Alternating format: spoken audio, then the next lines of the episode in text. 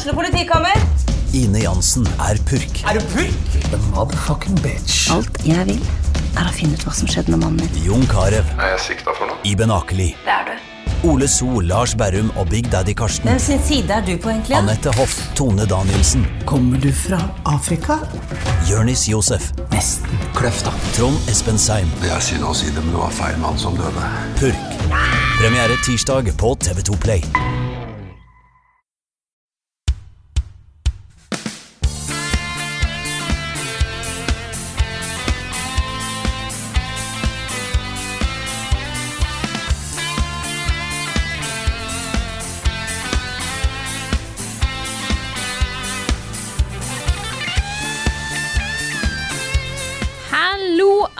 Sammen, og velkommen til en ny episode av podkasten Level Backup. Med meg, Frida Danmo, og med meg har jeg som vanlig Karl Martin Hogsnes og Rune Fjell Olsen. Hallo, folkens. E3. E3. Vi skal snakke mye om E3 i løpet av denne podkasten, her, men vi sparer mesteparten til nyhetsspalten, så det er bare til å glede seg til det. Men det er jo, for det er jo ting som skjer neste uke. Men det har jo skjedd veldig mange spennende ting for oss forrige uke, for vi har jo gått ut med trailer og billetter eh, til 71 grader no scope XP on the beach. Det har vi, ass. XP on the beach også. Det var et uh, inspired øyeblikk av deg der, Karl. Carl. Det der er sånn Put that on a T-shirt. Det sånn Det er så kult. XP on the beach. Ja, altså Jeg, jeg syns fortsatt 71 grader noscope er nok den tittelen jeg er mest fornøyd med. Ja. Ja, da skjønner jeg. Med liksom det der eh, siktesymbolet som grad, ikke sant. Det er veldig, veldig Ja, ja, ja. Men ja, det er veldig kult. dette her er noe vi filma i april. Mhm. Litt ut i mai. Og eh, vi fikk eh, skal, skal vi fortelle litt historien bak? Ja. Vi, må fortelle, vi fort- kan fortelle litt historien. Ja. For det er sånn, vi, vi, vi stakk ikke i skauen på Ekeberg og filma denne gangen, faktisk. Nei, det gjorde vi ikke. Det var litt, litt mer eksotisk enn forrige gang. Mhm. Fordi eh, det begynte jo da vi var på hytta til eh, Frida i fjor sommer. Så fikk vi en Facebook-melding av deg, Rune, Mhm. som hadde fått eh, en melding fra en mann ved navn Anders Ruen, Yes. som hadde hørt oss prate om at vi veldig gjerne skulle lage en oppfølger som var inspirert av eh, Paradise og Ex on the Beach og sånn. Og han hadde tilfeldigvis et ferieparadis på Costa del Sol i Spania. Ja. Og det kunne vi få lov å bruke. Ja, foreldrene hans eh, eier det. Eh, Søsteren hans bor der, og han er der hele tiden. Så det er sånn familiedrevet. Eh, Heter Family Siesta. Ligger i Mijas. Um, og var liksom akkurat det vi trengte. Separate leiligheter, fellesområder, sol, palmer, alt det der, liksom. Passing. vi fikk låne det helt gratis i offseason, da. Så vi fant en uke som passa. Um, til og med, da. Anders fortalte at de hadde sparka ut Det var en sånn yoga, yoga som skulle dit denne uka, som ikke fikk lov til å komme fordi vi skulle filme en tulle-parodi på reality-serie. Det var jo Wow. kjempemorsomt. Ripp yogafolk. ja, ikke sant? Ja, men så gøy. Så er det litt Nei. eh, spennende alltid liksom reise og møte noen nye folk som skal da være med i veka, men Anders var jo så koselig fyr. Han var en kjernekar. Ja, ass. Hele veien var en ordentlig bra fyr. Ikke bare er han eh, backer på Patron, han har lånt oss det stedet her en uke, og han er bare en av verdens eh, herligste fyrer. Så han har blitt vår nye, en av våre nye favorittpersoner. Rett og slett. Det kan man vel slå fast. Vi så Game of Thrones hos han nå. ja, Det var, bare, det var bare en sykt fin tur. Det var jo, det var jo fullt kjør uh, hele veien. Vi, uh, Ja, ja. vi var der en uke. Og uh, hadde håpa å få liksom et par dager hvor vi kunne ta det litt rolig og bare nyte Spania, men det skjedde ikke. Det gjorde ikke det, gitt. Det Det var ble- filming fra rett etter frokost eh, til seint, seint på natta. Vi holdt jo på til to, tre og fire på natta. Eh, Ja, mitt favorittøyeblikk ja, favorittøyeblikk mitt der var Det var en sein natt. Klokka var liksom type to-halv tre eller noe sånt. Eh, jeg var drittrøtt, og så sier eh, du, Carl, OK, nå er du ferdig med dine scenerunder, du kan gå og legge deg. Jeg gikk og la meg, sovna som en stein. Helt til Lars kommer og banker på døra. Rune, det var visst trengte det er visst litt til. Og da var jeg sur, da! da husker jeg du da. var, husker jeg du var litt sur. Det var én scene vi hadde glemt, og vi måtte ta den akkurat da. Ja. Fordi det, da, trengte vi, da trengte vi en person som skulle dra tidlig hjem i tillegg, og da var det helt krise. Ja, jeg har sovet en halvtime, det kommer ut Jeg er litt sånn morgengretten, men da var jeg sånn ekstra altså Det er sånn midt på natta-gretten. Det var tydeligvis enda verre. Men jeg tror jeg klarte også å liksom skjerpe meg akkurat mens du sa action. Jeg, jeg, jeg tror også det. Ja, jeg tror det, jeg tror det gikk bra også. Men eh, ja. Men, eh, men ja, dette her er jo en serie som eh, jeg har sittet og skrevet på siden i fjor sommer. Og bare prøvd å sette sammen en, en storyline. Den er lengre enn den forrige. Litt mer, litt mer forskjellige stories som går litt mer inn i hverandre. Så jeg er veldig veldig spent på hva folk kommer til å synes. Og det er en direkte oppfølger til første sesong, så det er mange av de samme figurene som er med. Mm. Så det er viktig. Dere bør ha sett sesong én før dere begir dere ut på sesong to, når den kommer 1. juli. ehm, for at du skal kunne henge med på the plot. Yes. Jeg tror du skal kunne følge den hvis ikke du har gjort det òg, men det er, en, det er absolutt en fordel å ha sett første sesong. Ja, det er en par av de historiene som fortsetter da i sesong to, som, eh, som alle kvalitet, all kvalitets-TV. Hvis du har vært med hele veien, så får du litt betalt for det. Ja, ikke sant? Sånn, ja. det, er, det er noe med det. Og så er det jo premierefest i Oslo. ja, det er det også. Så hvis du har juli. tid 1. juli, eh, åpen scene i Oslo. Da blir det premierefest. Det blir panel med nesten alle skuespillerne. Og vi kommer til å vise hele sesong to. Så da kan, kommer vi til å sitte der i salen med dere og se dette vidunderet. Um, og det kommer jo selvfølgelig til å komme på YouTube òg, for de som ikke er der. Men da får dere, må dere vente ei og ei uke med å se en episode. For den første episoden kommer 1. juli, og så kommer de hver mandag etter da. Men hvis du er på premiereshowet 1. juli, så får du sett alt. Yes. Og i tillegg så er det panel med oss etterpå. Det blir Ja, det her blir sånn, det her blir sånn Comic-Con-greie, ikke sant? Meet the cast, meet the crew. Det blir eh, ja, fantastisk. Så hvis du søker da på XP On The Beach på Facebook, så får du vel opp eventet vårt. Jeg tipper at det ikke er så mange andre ting som kommer opp da. kan eventuelt legge til uh, Noscope eller et eller annet. Så ligger det et event der med informasjon om hvor du, har- hvor du kjøper billetter og, og sånne ting. Så ja. Riktig. 1. juli. Hva har du spilt? Spilt det siste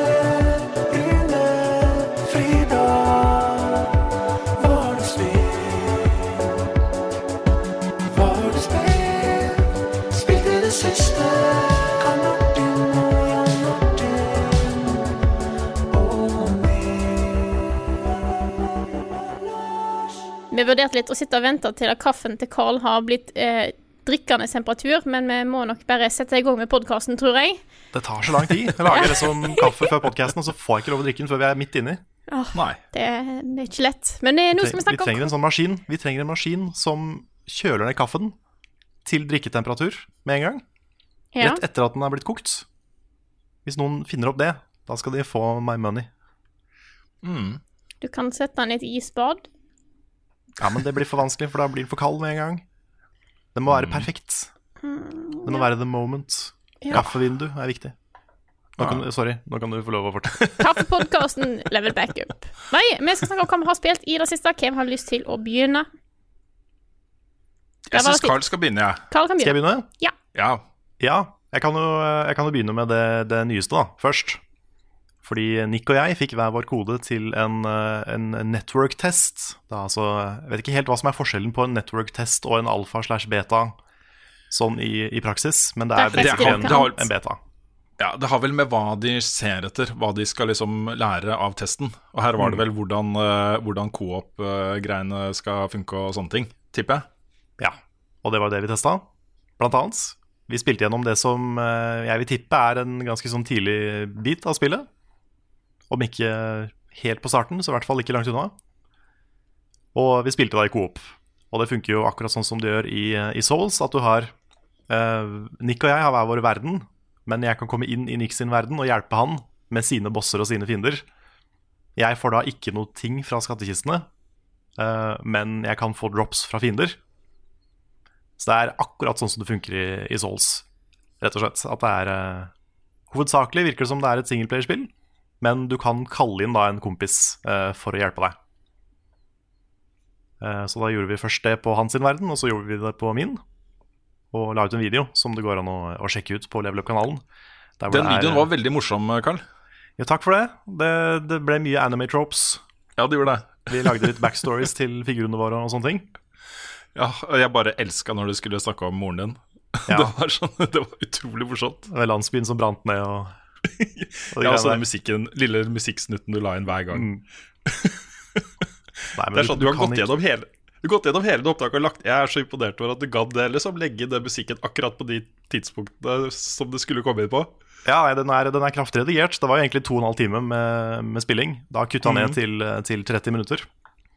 Så det er veldig, veldig komprimert Code Vein. Mm. Uh, men jeg håper man får et inntrykk av hva spillet er for noe. da Og det er jo veldig veldig Souls-inspirert. Eh, du har eh, altså samme, samme kamerasystemet, samme kampsystemet. Du kan eh, endre på kontrollsystemet for å få det helt likt. Nesten. Og um, det er veldig tydelig hva det er inspirert av. Jeg vet ikke helt om jeg er solgt på kampsystemet helt ennå. Det kan være at det bare er uvant, men det føltes litt mer flytende. Eh, altså litt mindre sånn responsivt enn det Souls er. Så jeg håper de, liksom, jeg håper de nailer det. Det kan også være at jeg bare ikke, ikke er vant med hvordan det funker der. Men det var, det var litt sånn sluggish. Det var ikke, var ikke like kjapt som Bloodborne, f.eks. Men, ehm, men det var absolutt kult. Er, jeg gleder meg til det kommer, så jeg får testa det mer. Det var veldig mye forskjellige typer våpen med forskjellige movesets og sånne ting. Det var gøy å sjekke ut. Eh, storyen så ut til å være litt cheesy og, og kanskje ikke så bra. Men jeg skal ikke dømme den for tidlig heller. Eh, altså, hvis man har sett bare litt av de trailerne som er sluppet av det altså, Det burde ikke overraske noen at den historien er som den er, tenker jeg da. Altså, den, er veldig typisk eh, anime-vampyrspill, Mm. på en måte. Så Ja. du, får, du får vel på en måte det du forventer der. Mm. Men, ehm, men jeg liker det. Jeg syns det ser veldig bra ut, og det kjører veldig bra. Og det er liksom Det virker som et spill de har tatt seg god tid med, da. Så jeg, jeg håper det blir bra. Jeg tror det kan bli bra. Det er ikke, det, det er ikke sikkert det blir liksom ni-ti av ti, men jeg forventer vel kanskje en sånn sju, kanskje åtte. Mm. Det er litt spennende der, fordi i år så får vi liksom tre Dark Souls-kloner som Ja. har fått tid på seg til å lære og bli bedre og sånne ting. Du har jo Nio 2, eh, og så har du The Surge 2, som kommer i september. Og så har du Cod Vein, og alle tre er liksom snytt ut av nesa til From Software. Det er jo, de legger jo ikke skjult på det heller. Det er jo bare vi vil lage det vi også type spill, ikke sant. På et eller annet tidspunkt så kommer det til å naile det, tenker jeg da. Ja, det, det, det kan fort skje. Og så vet jeg det er, veldig, det er veldig sånn vanlig å si at ting er litt sånn som Dark Souls. Men de spillene her er jo veldig, veldig åpenbart inspirert av Dark Souls. oh, ja. Og det er, måte- det er, det er den det. oppskriften de bruker. Ja, det du risikerer, da, er at du har tre spill som er gode på det Formsoft er gode på, på, tre, på ulike måter. Sånn at det ene spillet får til den ene biten, men ikke de to andre. Men eh, de andre spillene får til det, men ikke de andre Sånne ting, da. Mm. Hvis Ja, du har laget lager et megateam med alle tre, Oi. så får eh, Hva blir det, da? Code Neo Cold Neo Surge. Cold Ja. Neo The Surge. Men det er jo risky business det de holder på med, da. Fordi uh, From Software er jo Altså, jeg har nevnt det før. Det å lage perfekte spill er liksom egentlig ikke mulig. Men jeg føler at ofte de er, From Software er veldig nære å være perfekt i det de prøver å oppnå. Og da gjelder det nettopp sånne ting som responsive kontroller og at kampsystemet funker. Alt funker, ikke sant. Det føles helt riktig å spille. Nintendo er jo mestere på det i Mario-spillene og sånne ting. Uh, hvis, hvis det ikke er like bra, og det trenger ikke å være mye dårligere heller, liksom, bare det er litt mindre bra, da, litt dårligere, så faller det litt, veldig gjennom, altså. Ja, det er sant. Men uh, når det kommer til Nio, da, så var jo det gameplay-messig et kongespill. Uh, det som mangla der, var worldbuilding og historie og de tinga der. For det var bare ræv, egentlig, i, i Nio. Så um, jeg vet ikke. Der er, der er The Search-folka bedre igjen, føler jeg. Selv om de også De klarer liksom ikke helt å nå opp, da. Men det er jo det er vanskelig å nå opp til den, den stemningen og det som Fromsoft klarer å lage, da. Jeg har litt eh, forventninger til Surge 2, faktisk. Fordi eh, de fikk så utrolig tydelige tilbakemeldinger på hva som ikke var bra nok i Surge 1, fra så mange. Ja. Hvis, de, hvis de har brukt det til å lage et bra spill, da, så kan det bli dritbra. Det kan det. Det, det er det beste fem av ti spillet jeg har spilt. Ja, ikke sant? Så det er sånn Det var mye jeg digga med det. Og så var det mye som trakk eh, hardt ned. Mm. Så jeg håper at de har fiksa de tinga, for da kan det bli ordentlig bra. Men, eh, men ja, det jeg spilt. Og så har jeg også fortsatt på Conan Unconquered. Har nå gått fra å ha klart eh, level 3 til å ha klart level 4. Oi! Nice. Er Her går det framover, Karl. Det gjør det. Det er bare én level igjen. Mhm. Det er da siste, si- siste, siste bane i campaignen. Men jeg spilte på stream i går med Nick også. Vi prøvde oss på coop for andre gang. Og det gikk eh, Gikk ikke bra, men det gikk bedre enn den første gangen. Fordi vi, vi overlevde da ni av ti waves den første gangen. Og nå var vi vel på sånn 17 av 25. Men det var så mye vanskeligere enn den første gangen. Så jeg føler at vi likevel liksom gjorde det bedre, da. Mm. Men ehm, vi endte jo da opp med å gi det en score, hver for oss. Mm. Eh, jeg ga det en sjuer, og Nick ga det en sekser. Og ehm, for min del altså, var det det som trakk opp, var det at dette her er et spill som jeg kommer til å huske på slutten av året. Det er sånn det er en opplevelse som har vært ordentlig bra. Eh, Og det som trakk ned, var jo det at det ikke var så mye innhold. Men det som er der, syns jeg var dritgøy. Mm. Jeg har savna liksom et, et nytt RTS eh, som i tillegg da gjør litt nye ting. At du har en kombinasjon med Tower Defense som du har, som det er ikke sikkert alle er fan av, men jeg syns det funker veldig bra. Jeg er glad i både RTS og Tower Defense, så for meg så er det som en fin, fin kombo. En sånn tilbakemelding som jeg har sett ganske ofte om det spillet her, er at hvis, hvis du har spilt et spill som heter They Are Billions, Mm. så liker du Conan and Conquered dårligere enn de som ikke har spilt det. Ja, det er, altså, det er mange som har nevnt det. Så jeg tenkte jeg skulle sjekke ut det spillet. Mm. Bare se hva, hvorfor folk sier det. Ja. Fordi så vidt jeg har skjønt, så er det veldig likt, men det er uten multiplayer. Mm. Mm.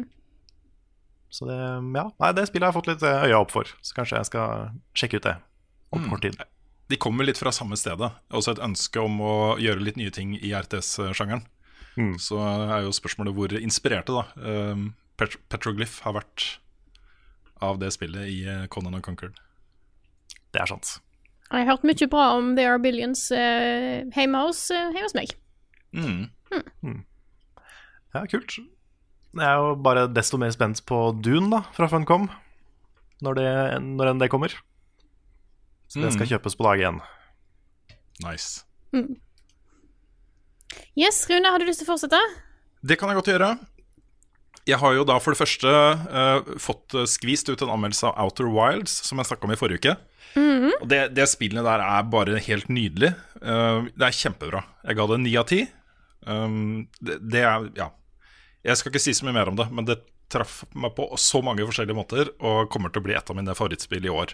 Det er det nest beste spillet jeg har spilt i år. Så jeg er veldig glad i det spillet nå. Eh, litt av grunnen til at det har kommet så mye fra meg de siste par ukene, er jo at uh, på tirsdag så kom det jo en ny delse til Destiny 2.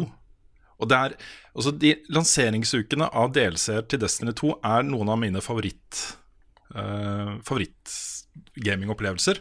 Fordi alt er nytt. Og det, alt du får av loot, betyr noe.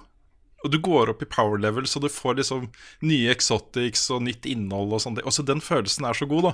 Så på tirsdag så reiste da kona mi til, på jobbtur til Stavanger. Så, så da er jeg da hjemme med to barn.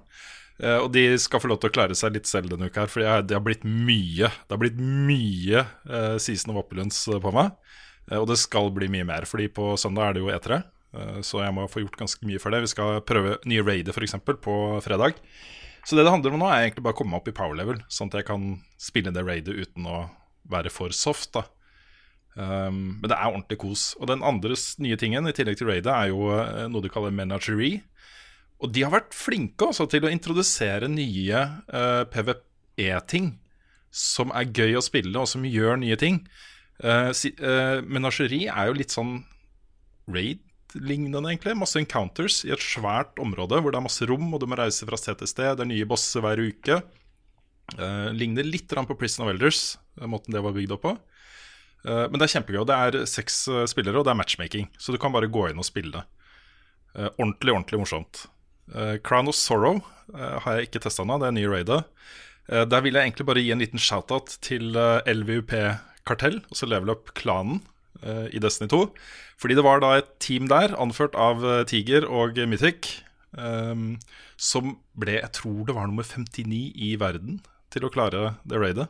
Oi! De satt der, altså den utholdenheten deres Raidet åpna klokka ett natt til onsdag. og når jeg logga på på morgenen etterpå, så satt de fortsatt og spilte det. Eh, og de holdt på til sånn type 11-12, tror jeg, på formiddagen. Og så så de et par timer, og så var det på'n igjen. Helt crazy, altså. At de klarte det, var eh, helt eh, konge. Så gratulerer. Jeg har fått faktisk en Skal vi se, bare jeg får opp den her. Uh, melding fra Tiger. Jeg spurte hvem det var som var med på laget. Det var Mythic, Ready Go, Tito, Mogul, um, Ajax og da Tiger. Så gratulerer så mye til dere. Det var eh, kult. Og den gjengen her er bare krem for alle vi som vil ha et community i Destiny 2. Så uh, har de gjort mye uh, for den opplevelsen. Så det er kult. Jeg gleder meg veldig til raidet da på fredag. Det blir uh, dritmorsomt. Yes, det er meg. Da tar jeg over. Jeg har nemlig fortsatt litt på Sims 4 mens jeg driver og ser på Paradise Hotel. Men jeg har eh, eh, tatt til meg det tipset du kom med, Rune. Jeg har testa gatoroboter. Og jeg har ikke kommet gjennom det. Jeg tror jeg er ca. halvveis. Eh, jeg måtte ta en liten pause i går, for jeg kom borti en bossfight som var litt slitsom. Eh, så da måtte jeg ha en pause etterpå. Ja. Men jeg har et spørsmål til dere i den anledningen. Har dere spilt Metroid? Mm. ja. Hvor mange ganger mens du har spilt Metroid, har du tenkt Oi, her skulle det vært flere katter? Å, hele tida. Ja, for da tror jeg du er den eneste i verden, Carl. For det er ingen som har noen gang tenkt at oi, la oss, en, la oss ha, putte en katt inn her, men da har denne gjengen her gjort. Fordi at dette her er Metroid. Ja da, det er er veldig Metroid. Super, det er Super Metroid. Ja, det er Super Metroid. Det er ikke veldig Super Metroid. Det er så godt som bare eh, reskinna med nye maps. Fordi at først så får du den suten, som også ser vel Du er jo en katt, da. Storyen her er at du har en eh, Det er eieren din, tror jeg, som kommer med et romskip. Eh, men han sitter fast i romskipet. Så han får deg, katten din, til å gjøre ting. Så du går der rundt med katt, får tak i en powersuit, som ser veldig ut som Samus sin. Og så kan du etter hvert så kan du lære deg å skyte ting, blant annet å skyte på de bua dørene, så du kommer deg fra et område til et annet. Mhm. Yes. Og så etter hvert så får du da en rakettkanon. Så det er, det er hashtag litt sånn som Metroid. Dette er hashtag litt veldig sånn som Metroid. For det nye som jeg har fått nå Eller nei, jeg har fått flere ting, men en av de tingene jeg har fått, er spin jump. Spin Ja. jump, ja. Mhm. Som du også kan bruke for å angripe. Det er så likt som Metroid, ja. men jeg syns de gjør det med veldig på en måte eh, På en god måte. Det er ikke sånn at de nødvendigvis bare har tatt masse OK, vi bare lager en klone, dette liker sikkert folk. De, det er faktisk det er litt humor her. Jeg syns ting er gjort veldig bra. Um, du, har, har den her Metroid-stilen med at du får eh, altså nye våpen, så du kan komme til nye områder. Eh, så hvis du, hvis du liker Super Metroid, så liker du dette her. Eh, Det her er steg i, steg i verdi for meg og sånn. Nå skal jeg absolutt teste det. Uh, Mm. Og grunn, grunnen til at det gjør det, er for det første så elsker jeg Metroid. Jeg elsker den formelen.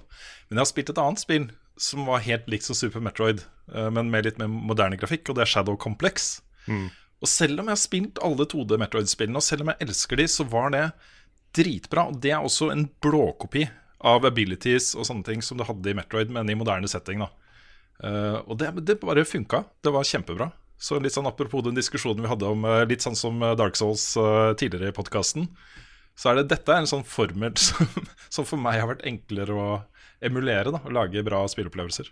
Mm. Når, du får en, power-up i spillet, ja. kommer det sånn Det er liksom en annen tone helt på slutten, men ellers er det helt likt. Nei, det er det dessverre ikke. Men det er, det er det er, det er ellers veldig mye som er likt, syns jeg. Eh, Du har veldig mange like typer enemies, men jeg syns de likevel de klarer å gjøre en annen vri på det. Jeg er ikke helt sikker på hvor jeg vil plassere det ennå. Det er ikke sånn at jeg får like mye sånn Å, fy faen, det var bra laga eh, områdedesign, sånn som jeg har sett på noen eh, Metroid-spill, f.eks. Metroid Fusion. Eh, så det er en del Det er kanskje litt enklere, Det er jo svart-hvitt, da. Det er Ja, bare ja. svart og hvitt. Ja, ja, ja. Men jeg tenker mer på en måte, på en måte utformingen av kartet. eh, det er veldig få sånne skjulte områder okay. som jeg har fått inntrykk av, så det er på en måte ikke like um, Og så er det jo ganske kort, tror jeg. Jeg tror ikke det er som Jeg tror jeg, jeg har spilt en og en halv time. To timer. Og nå tror jeg jeg er halvveis. Um, Men, men kanskje de er der, men de er skjulte.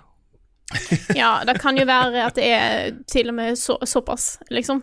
Eh, så eh, jeg syns òg det er av og til litt clunky. Um, men jeg skal gi det litt mer tid, så ser jeg. Men jeg føler jeg har liksom ikke fått den samme sånn derre holy shit-momentet som jeg eksempel har hatt med da, Metroid Fusion, som er fortsatt en av de beste. eh, som er på toppen der for meg når det kommer til Metroid-spill. Men eh, jeg har sansen for det. Det er litt humor. Det er blant annet en av bad guys og er ei mus. Selvfølgelig. Fordi du spiller en katt. Eh, Mm. og katten har veldig mye gode uttrykk. Eh, katten må jo gå gjennom en del ting. Det er jo noen områder der det er vann på. Det er jo katten sterkt misfornøyd med, eh, og sånne ting. Så eh, Men jeg liker det. Jeg kommer til å spille gjennom det. Jeg tror ikke jeg rekker å anmelde det før E3. Jeg er usikker på om jeg kommer til å anmelde det. Ja. Eh, men jeg kommer, når jeg er ferdig med det, så kommer jeg i hvert fall til å gi min vurdering. I hvert fall her i podkasten, så ser jeg hva jeg gjør. Mm. Fordi at jeg har lyst til å spille Outer Wilds, egentlig. Ja, det, ja det, må du, det må du gjøre, Frida. Yes. Vi har fått uh, litt sånn tilbakemeldinger fra folk om at uh, vi bør gjenta oftere hva det er vi akkurat har snakka om. Sånn at folk Ja. har muligheten til å liksom huske det. Så vi kan jo begynne med det nå. Uh, du snakka om Code Vein, Carl. Ja, Code Vein Network Test. Nettopp. Eh, og Conan, Conan Unconquered. Con Conan and Conquered. Conan Unconquered. Jeg snakka om Outer Wilds og eh, Season of Opulence til Destiny 2. Og du snakka om Gato Roboto. Gato Roboto. Yes. Mm, Og Sims4. Tenk, tenk Domo Arigato, Mister Roboto, og så bare fjern noen av bokstavene, så har du Gato Roboto. Ja, ikke sant? Ukens anbefaling. Jeg finne på? Ukens anbefaling. Ukens anbefaling. Hva skal jeg finne på? Ukens anbefaling. Hva skal jeg finne på? Jeg sitter klar med ukens anbefaling. I dag er jeg så eh, cheeky at jeg tar to. Fordi at jeg er programleder, og jeg kan gjøre hva jeg vil. Jeg begynner med hovedanbefalingen, som er en serie jeg allerede har nevnt litt for dere. Jeg snakka litt om den på stream i går òg. Det er en serie på Netflix som heter When They See Us. Det er en miniserie på fire episoder, eh, så det er ikke sånn dritlang serie, som tar for seg en sak som var stor eh, i USA på sent 80-tall, i 89. Der det var ei, eh, en jogger i Central Park som ble overfalt og voldtatt, eh, og handler om eh, en del ungdommer, eller nesten unger, da kan du si, i alderen 14 til 16, som var i området og, bli, og ble anklaget og dømt for den saken. Eh, dette var da afroamerikanske ungdommer som, eh, som ikke ble behandla på den mest rettferdige måten. Så den serien her tar for seg da. Og dette er ikke en sånn true crime-serie, sånn som How, I how me, how, make, making, a a Murderer. Murderer. Herregud, Making der, Murderer. der, der slutta hjernen min å fungere helt. How, How I Met Your Murderer. Ja, ja. Jeg tenkte på det. uh, jeg vet jeg vet ikke hvor jeg ville gå med den der. Det er en ordentlig sånn full eh, skreven og dramatisert serie som er utrolig bra laga. Det er utrolig gode skuespillere som er med der. Eh, disse ungene spiller kjempebra, og det er en eh, ene fyren som med Som viser mye i, i, en, i den siste episoden, gjør en så mesterfull prestasjon at det er helt insane. Dette er ikke en, eh, dette er ikke en feel good-serie, kan jeg bare nevne. Denne er sterk. Han eh, viser kanskje litt av det som er ikke er helt på plass i det amerikanske rettssystemet. Men en utrolig, utrolig god serie. Eh, så anbefaler jeg. Er på Netflix. Fire episoder. When They See Us er den, eh, er den heter. Jeg eh, var sjuk eh, for et par dager siden. Så da, eh, og så hadde jeg fått anbefalt den her på forhånd av en venninne av meg. Så da tenkte jeg skulle se den på min nye TV. Nice. Så jeg koste meg, eh, eh, i den grad du kan kose deg mens du er sjuk. Eh, Og mens du ser en skikkelig kjip eh, ja, dramatisering av en skikkelig kjip sak. Ja. men eh, det er en, Ja. Så det er utrolig, utrolig sterk og eh, bra laga serie. Så anbefales dere, altså. Har dere Jeg nevnte det for dere for i går, gjorde jeg det? Har Ja, dere fått sett noe Ikke fått sett den. Jeg måtte se siste Ikke episoden av Tsjernobyl. Som var altså Den første og den siste episoden i den miniserien er det beste jeg har sett på TV. Resten er også veldig veldig bra. Også serien i seg selv er dritbra, men måten de avslutter på bare, Den kom jo på tirsdag. Var helt konge, altså. Helt konge. For det var egentlig planen min å se den eh, da jeg var sjuk på tirsdag, men så, så hadde jeg fått denne her. tenkte jeg, nei, nå tar jeg den først. Eh, så kan jeg ligge litt frampå på seriefronten, tenkte jeg. Ja. Og så har jeg en annen serie som, eh, som jeg måtte sette foran, og det er jo min all time favorittbok. Jeg har anbefalt den her i den podkasten her for lenge siden. Eh, Jeg har gitt den i gave til gudene vet hvor mange mennesker. Good Omens, Neil Gaiman og Terry Pratchett har jo nå endelig blitt den TV-serien som de begynte å lage for en stund siden. Eh, Den går på Amazon Prime, og det er kjempegøy å se ordene fra min favorittbok bli dramatisert på den måten her, med så gode skuespillere. Og særlig er det David Tennant han heter. Han eh, som, eh, som eh, djevel, eller som eh, demon. Den rollen også noe av det kuleste jeg har sett. Han, han, gjør, han eier den rollen så sjukt bra. Så, så det er kos, altså. Men etter den, etter at jeg er ferdig med siste episode der, så skal jeg se den, Frida. Anbefales. Kan jeg, kan jeg leache litt på anbefalinga di og komme med en, en annen litt sånn i samme gata-anbefaling? Ja. Herlig. Det her blir jo bare anbefaling på anbefaling på Ja, ja. Så lurt det som bare masse, masse å digresjoner. finne på Masse å finne på mens dere venter på E3. Ja. Eh, men det er en, dette er true crime, da. Sånn faktisk eh, true crime. Eh, og det er en dokumentarserie på Netflix som heter 'Abducted in Plain Sight'. ja. Mm. Og den, hvis du er på jakt etter mer mest up eh, historier om, eh, om, om krim og sånne ting, så er den eh, verdt å få med seg, fordi den er Du tror du har liksom fått et bilde av hvor mest up det er, og så blir det bare verre og verre og verre. Mhm. Eh, men det handler jo da om, om ei ung jente som blir kidnappa av eh, en person som er venn av familien og mye greier. Jeg skal ikke si så mye mer, for det, det bare eskalerer og eskalerer. Men det er en uh, ganske crazy historie. På, på mange ubehagelige måter. Absolutt. Jeg føler at vi ikke kan snakke om true crime uten å nevne The Jinx. Har dere sett den? Jeg har begynt på den. Nei. Det også var helt konge, men den, det som var spesielt med den, var at den dokumentaren kom jo ut litt som med 'Making a Murderer'. Eh, kom ut samtidig som saken gikk, og det kom fram nye elementer som, gjorde at, som påvirka liksom selve saken da, i virkeligheten også. Eh, den, den er på HBO, og den er også innmari bra. Og så er vi kommet til min anbefaling nummer to. Å ja, du har en anbefaling nummer to. Ja, ja, Jeg sa jeg hadde to! Ja. Den er litt mer lettbeint. Dette er eh, To All My Peeps, som er vokst opp i cirka, som, som har vokst opp med dette her. Vet, dette gjelder sikkert ikke deg, Rune, men jeg har testa det nå. Kaptein Sabeltann-isen er tilbake.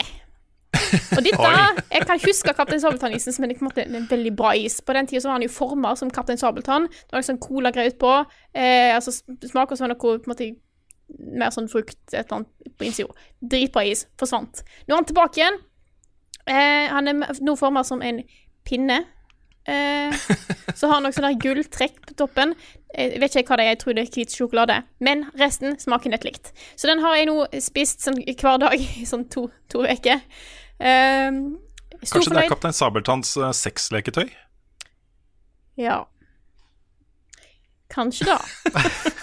Nå eh, fikk rar bilde i hodet her. Skal vi ta og se for det vekk, ja. Eh, nei. Veldig god is, i hvert fall, kan jeg, kan jeg si. Ja. Nå har du ødelagt alt du gjør. ødelagt av Rune. Ja. Sorry. Den smaker veldig godt, da. Så det er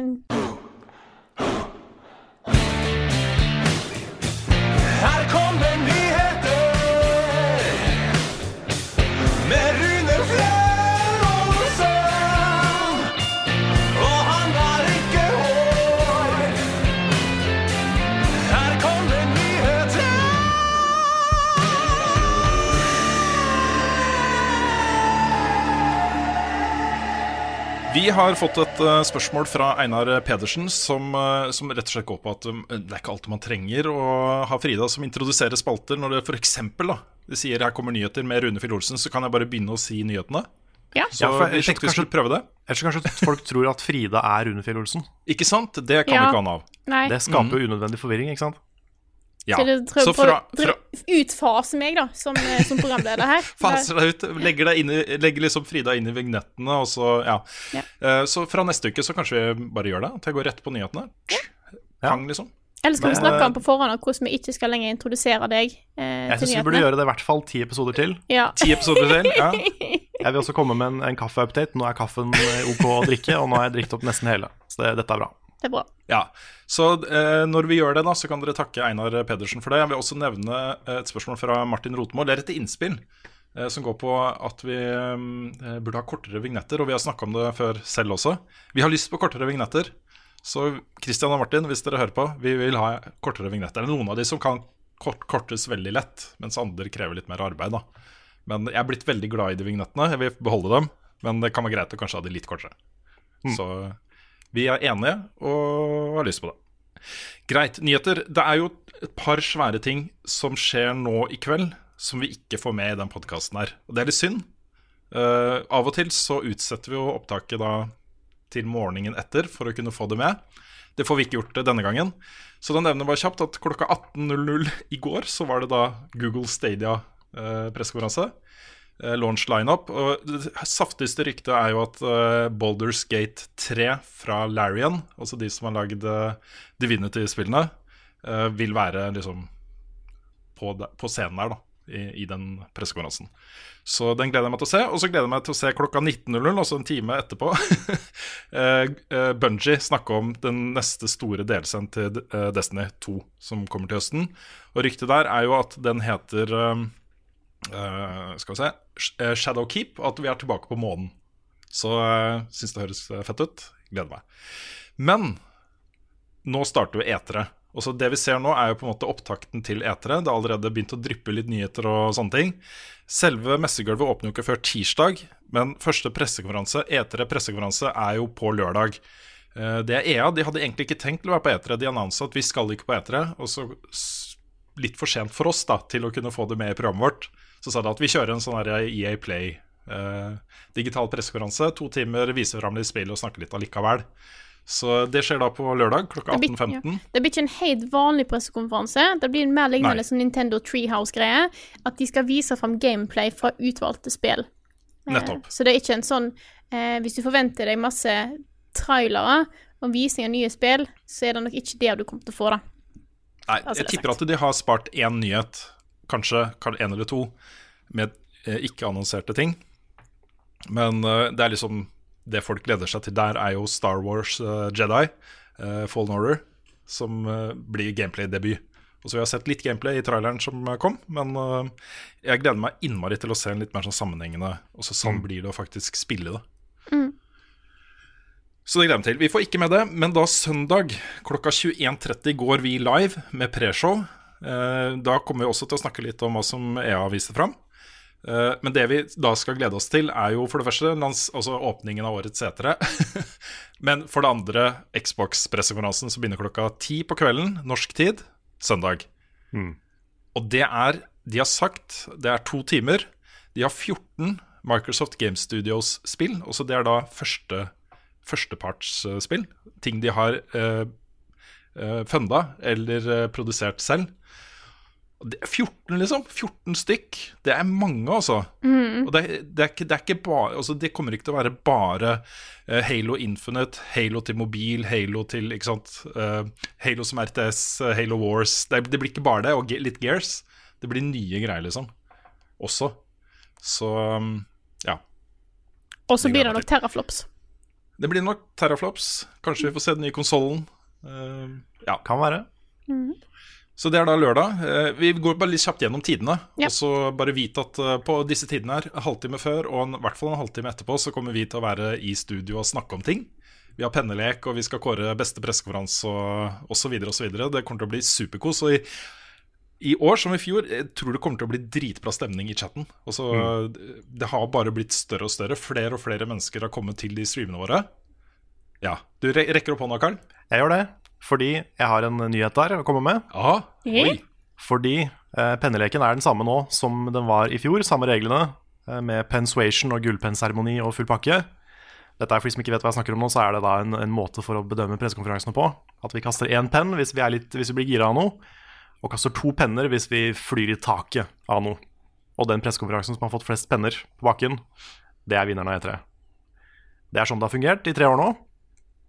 Og det som er nytt i år, er at vi nå for første gang har chat-interaksjon i penneleken. Og vi testa det live i går, da vi streama Konaen. Så det vil si at hvis man skriver inn utropstegn 'penn', så kan man være med på penneleken i chatten, og så blir det regna ut en egen chat, eh, et eget chat-gjennomsnitt av penner per konferanse. Nice. Så det er, eh, det er fett. Da blir det enda mer, Det er kjempekult. En, enda mer stemning, håper jeg. Ja, det, det, det, det blir eh, dritbra, rett og slett. Håper det funker, også når vi er 2000 mennesker i chatten. Ja, for tingen er jo Ja, da at tidligere år Men vi kom jo på dette her i går. Er det tidligere år, når folk blir gira i chatten, så har jo folk skrevet penn. Fordi de har kasta penn. Men det eneste eh, forskjellen nå er at du bare skriver et utropstegn foran, og så blir det telt. Mm. Så det er kult. Tusen takk er til eh, eh, han som har fikset det her for oss. Ja, Asbjørn, Carl? Asbjørn, Asbjørn? Som har eh, lagd denne botten her for oss. Eh, det blir bra. Det blir gøy. Ja, det er helt konge. Greit, skal vi bare gå litt kjapt videre med ja. tider og sånt? Ja, Fordi da natt, natt til mandag 02.30 er det Bethesda, så vi går da live klokka to. Um, vi um, snakker jo litt om dette her i spilluka også, som kommer ut på tirsdag. Hvor vi går litt mer gjennom hva vi forventer å se og sånne ting. Så hvis du vil vite litt mer om forventninger til de spesifikke pressekonferansene, så kan du se den uh, enten om igjen, eller på nytt, eller for første gang, eller hva som helst. Enten om igjen eller på nytt. Ja, det er to forskjellige ting i min verden i dag. Ja. Uh, og så da siste pressekonferanse før vi skal gå og sove noen timer, er Devolver Digital klokka 04.00 på morgenen. Det gleder jeg meg til. ja. Det, er, sånn- det har blitt et høydepunkt. ja, det fordi har det. Revive var vel uh, Hun programlederen i slutten av forrige konferanse. Hun ble vel en sånn der eh, cyborg-greie, gjorde hun ikke det? Jo, hun, ble vel, hun våkna vel som en sånn Robocop. Ja. Mm. Så jeg er spent på å se hvor de tar den storylinen videre. Ja, Kanskje hun er en Mac i år. Ja. Ja. ja. Hvis ikke du har sett noen av Devolver Digital-pressekonferansene før, og bare vet det vi har sagt om nå, så altså, trust me, det er rarere enn det også. Ja, og det er litt, sånn, som, litt sånn som eh, sesong 1 av 71 grader Noscope. Det kan hende det er lurt å gå tilbake og se de to første. Ja, ikke sant? At det liksom, bare for å få med deg historien i, i da, sesong 3 av The Devolver Digital sin eh, pressekonferanse. De er ikke så Ja. lange for de som lurer på det. Nei, det er ikke lange. Og det er en historie som liksom fortsetter. Ja. Mm. Det er kjempegøy. Og så er det da klokka sju på ettermiddagen eh, mandag. eh, PC Gaming Show. Vi har til og med litt norsk representasjon der. Funcom skal på scenen og snakke om et eller annet. Og vise fram et eller annet. Så spent på hva det er. Uh, klokka ti på kvelden uh, mandag Ubisoft. Uh, og så da på Slåtten, som vanligvis har vært forbeholdt Sony, som i år ikke er på E3. Det, er, det blir et savn, altså. Det kommer til å være masse kult her allikevel, liksom. Men jeg, jeg er litt lei meg for at Sony ikke er der i år. Den slåtten har nå Square Enix tatt. Kanskje få se litt Marvel. Jeg helt sikkert få se litt Marvel Avengers eh, ja, og litt diverse. Og så er det litt søvn igjen. Siste pressekonferanse er digital. Den går da tirsdag ettermiddag klokka 18.00. Det er Nintendo. Så eh, avslutter vi da etter den med gullpennseremoni og oppsummering og sånne ting, før vi da også spiller inn eh, neste episode av Spilluka, hvor vi viser fram de største tingene. Så det blir årets etere for oss. Det gjør det. Jeg gleder meg veldig. ikke lenge til. Nei, det er ikke lenge til. Jeg gleder meg kjempemasse. Eh, vi har fått et spørsmål her fra Christian Langeland, eh, som spør Er dette det siste eter i den form vi kjenner det. Vil plattformleverandører gå over til direktsendinger som Nintendo og Sony, og bort fra denne blowouten som vi er vant med fra etere? Og Det er et godt spørsmål, eh, og det er mange som stiller det spørsmålet nå. Hvor effektivt er det å bruke millioner av dollar på å leie en svær sal? All logistikken med å få alle folkene inn dit. Eh, all arbeidet, alt arbeidet med å lage et proft, velutvikla show med, hvor alt funker og Ikke sant? Hvor, hvor effektivt, effektivt er det, kontra å bare sette seg ned, skru på et kamera og lage det digitalt og så sende det ut på en måte på din egen slott? Hvor de ikke konkurrerer med alle de andre spillpublisherne i verden om oppmerksomhet. ikke sant? Jeg vet ikke. Det er liksom Det kan godt tenkes at det går mot slutten. Mm. Det, Det er jo litt Altså, du kan si mye om E3 og hvor kommersielt det er og, og alt det der. Uh, men det er jo også en sånn fest, da. Det er jo en sånn feiring. Så det er synd å miste det. Ja. Ja, det hadde vært veldig synd å miste det. Nå var det jo et par år hvor, uh, hvor vi var der, hvor hele etere ble nedskalert og hadde fortsatt pressekonferansene. Men jeg lurer på om det var også sammenfallende med at Nintendo droppa å ha faktisk pressekonferanse og begynte å lage direktsendinger isteden. Men hvor selve messa også bare var i møterom på Santa Monica. Det var ikke i den svære hallen, og det var ikke publik åpent for publikum uh, osv. Jeg tror bransjen i seg selv er nok tjent med å ha litt sånn fesjå en gang i året. Hvor alles øyne er retta mot Los Angeles, mot etere. Mot en sånn derre blockbuster-snitt da, av hva spillmediet er akkurat nå. ikke sant? Det, er, eh, det ligger mye effekt i det. Men for hver enkelt utgiver er jeg ikke sikker på om effekten er så stor, altså. Nei, Nei jeg, har, jeg har nevnt E3 for folk som ikke er inne i gaming i det hele tatt. Og mange av de, til og med mange av de har hørt om E3. Som en sånn derre sånn Åh, skal du dit? Mm.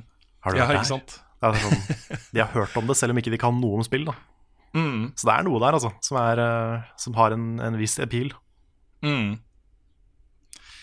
Nei, får se. Jeg håper ikke det går bort, men uh, blir ikke overraska hvis det gjør det.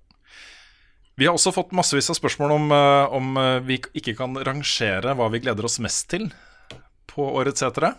Yes. Så vi har egentlig forberedt en sånn topp fem-liste. det er vel stort sett spill da vi håper på å få se mer av, eller gleder oss til å se mer av. Ja, da har vi bestemt oss for topp fem spill vi håper som blir vist, eller vi får sett mer av, på E3. Ja, Som vi gleder oss mest til. Som jeg gleder oss mest til. Ja, Personlig. Liksom. Skal, hvem har, jeg kan begynne, jeg. Gjør det. at eh, Kjør på. jeg, jeg kom jo på at vi har pleid å gjøre dette hvert år. I dag jeg søkte opp i notatene mine, søkte til E3, og ut at dette gjorde vi i 2017 og 2018 òg. Så jeg har innsett at min liste har ikke endra seg så mye med årene.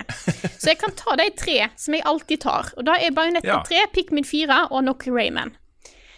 Og de er der fortsatt, fordi at jeg får Bajonetta 3 har vi sett én liten trailer, og de påstår fortsatt at det kommer i år, så jeg håper virkelig at Nintendo har tenkt å vise noe fra det. Si når det kommer. Pikmin 4 har jo vært in the works i årevis, så det er på tide. Og Rayman trenger en 3D-plattformer-remake. Ikke remake. Um, Oppfølger. opp, ja, oppfølger. De må basically bare kom, do it. Lag en ny 3D Rayman-spillserie. jeg hadde ikke vært misfornøyd hvis jeg hadde lagd en oppfølger til Origins og Le Legends eh, heller. Jeg tror da òg Da har jeg òg fått to penner. Men 3D Rayman Mm. da, It's eh, time. Ja, it's time. Så tror jeg nok òg at vi kommer til å få se mer av Ori and the Will of the Wisps på eh, Xbox sin konferanse. Ja, det har vært mange år nå. Jeg, det spillet har tatt så lang tid. Det har det. Så jeg håper vi får, noe, får en dato på det, rett og slett. Eh, er det jeg vil ha.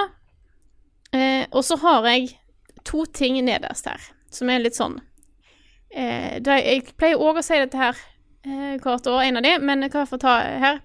Da potensielle FromSoft-spillet med George R. R. Martin, som det går rykte om, slash da spillet som ingen av oss vet at, kom, eh, vet at kommer, men så kommer det og sjokkerer oss. For det er ikke Altså, ja, jeg vil gjerne se Bajonetta 3, men hvis noen kommer og viser meg noe som jeg ikke hadde forventa å se i det hele tatt, så det er da jeg sitter igjen og husker. Og det er de opplevelsene som E3 er Som gjør E3 spesielt for meg. Så derfor har jeg det alltid på ei sånn liste, selv om det føles litt sånn cheesy. Så gjør jeg det likevel. Men det er sant. Det er jo, altså, vi liker jo overraskelser. Og det er ikke alltid vi vet hva vi vil ha. Nei. Så absolutt. ja. Skal jeg ta neste? Ja, Gjør det. Ok. Dette er jo da veldig, eh, veldig vekt på håper. For det er jo, et par av disse her er veldig lite sannsynlig at vi får se.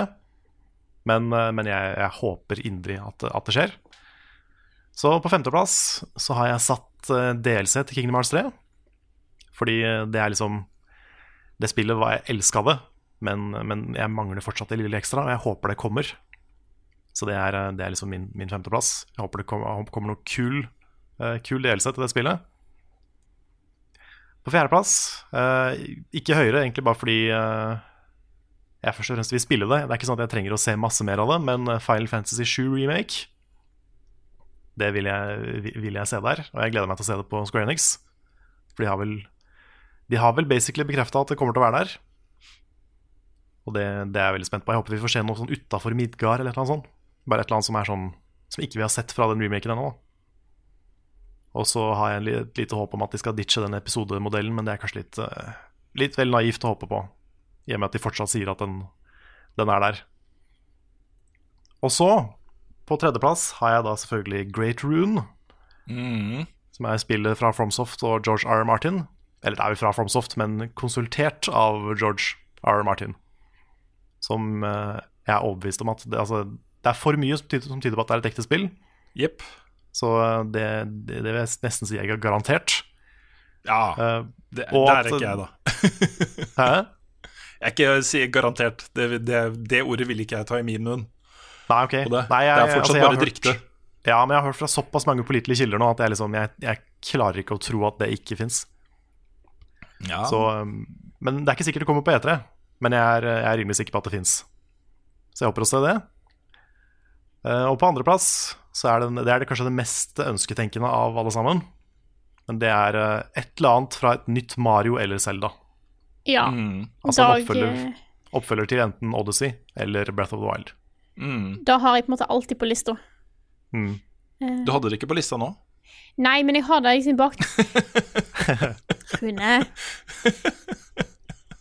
Skal være litt sånn kranglete i dag, du. Du Rett kommer inn ting på lista. Nei bare litt sånn pedantisk. Litt sånn, ja. Ja, ja. Ja. Og så på førsteplass, da.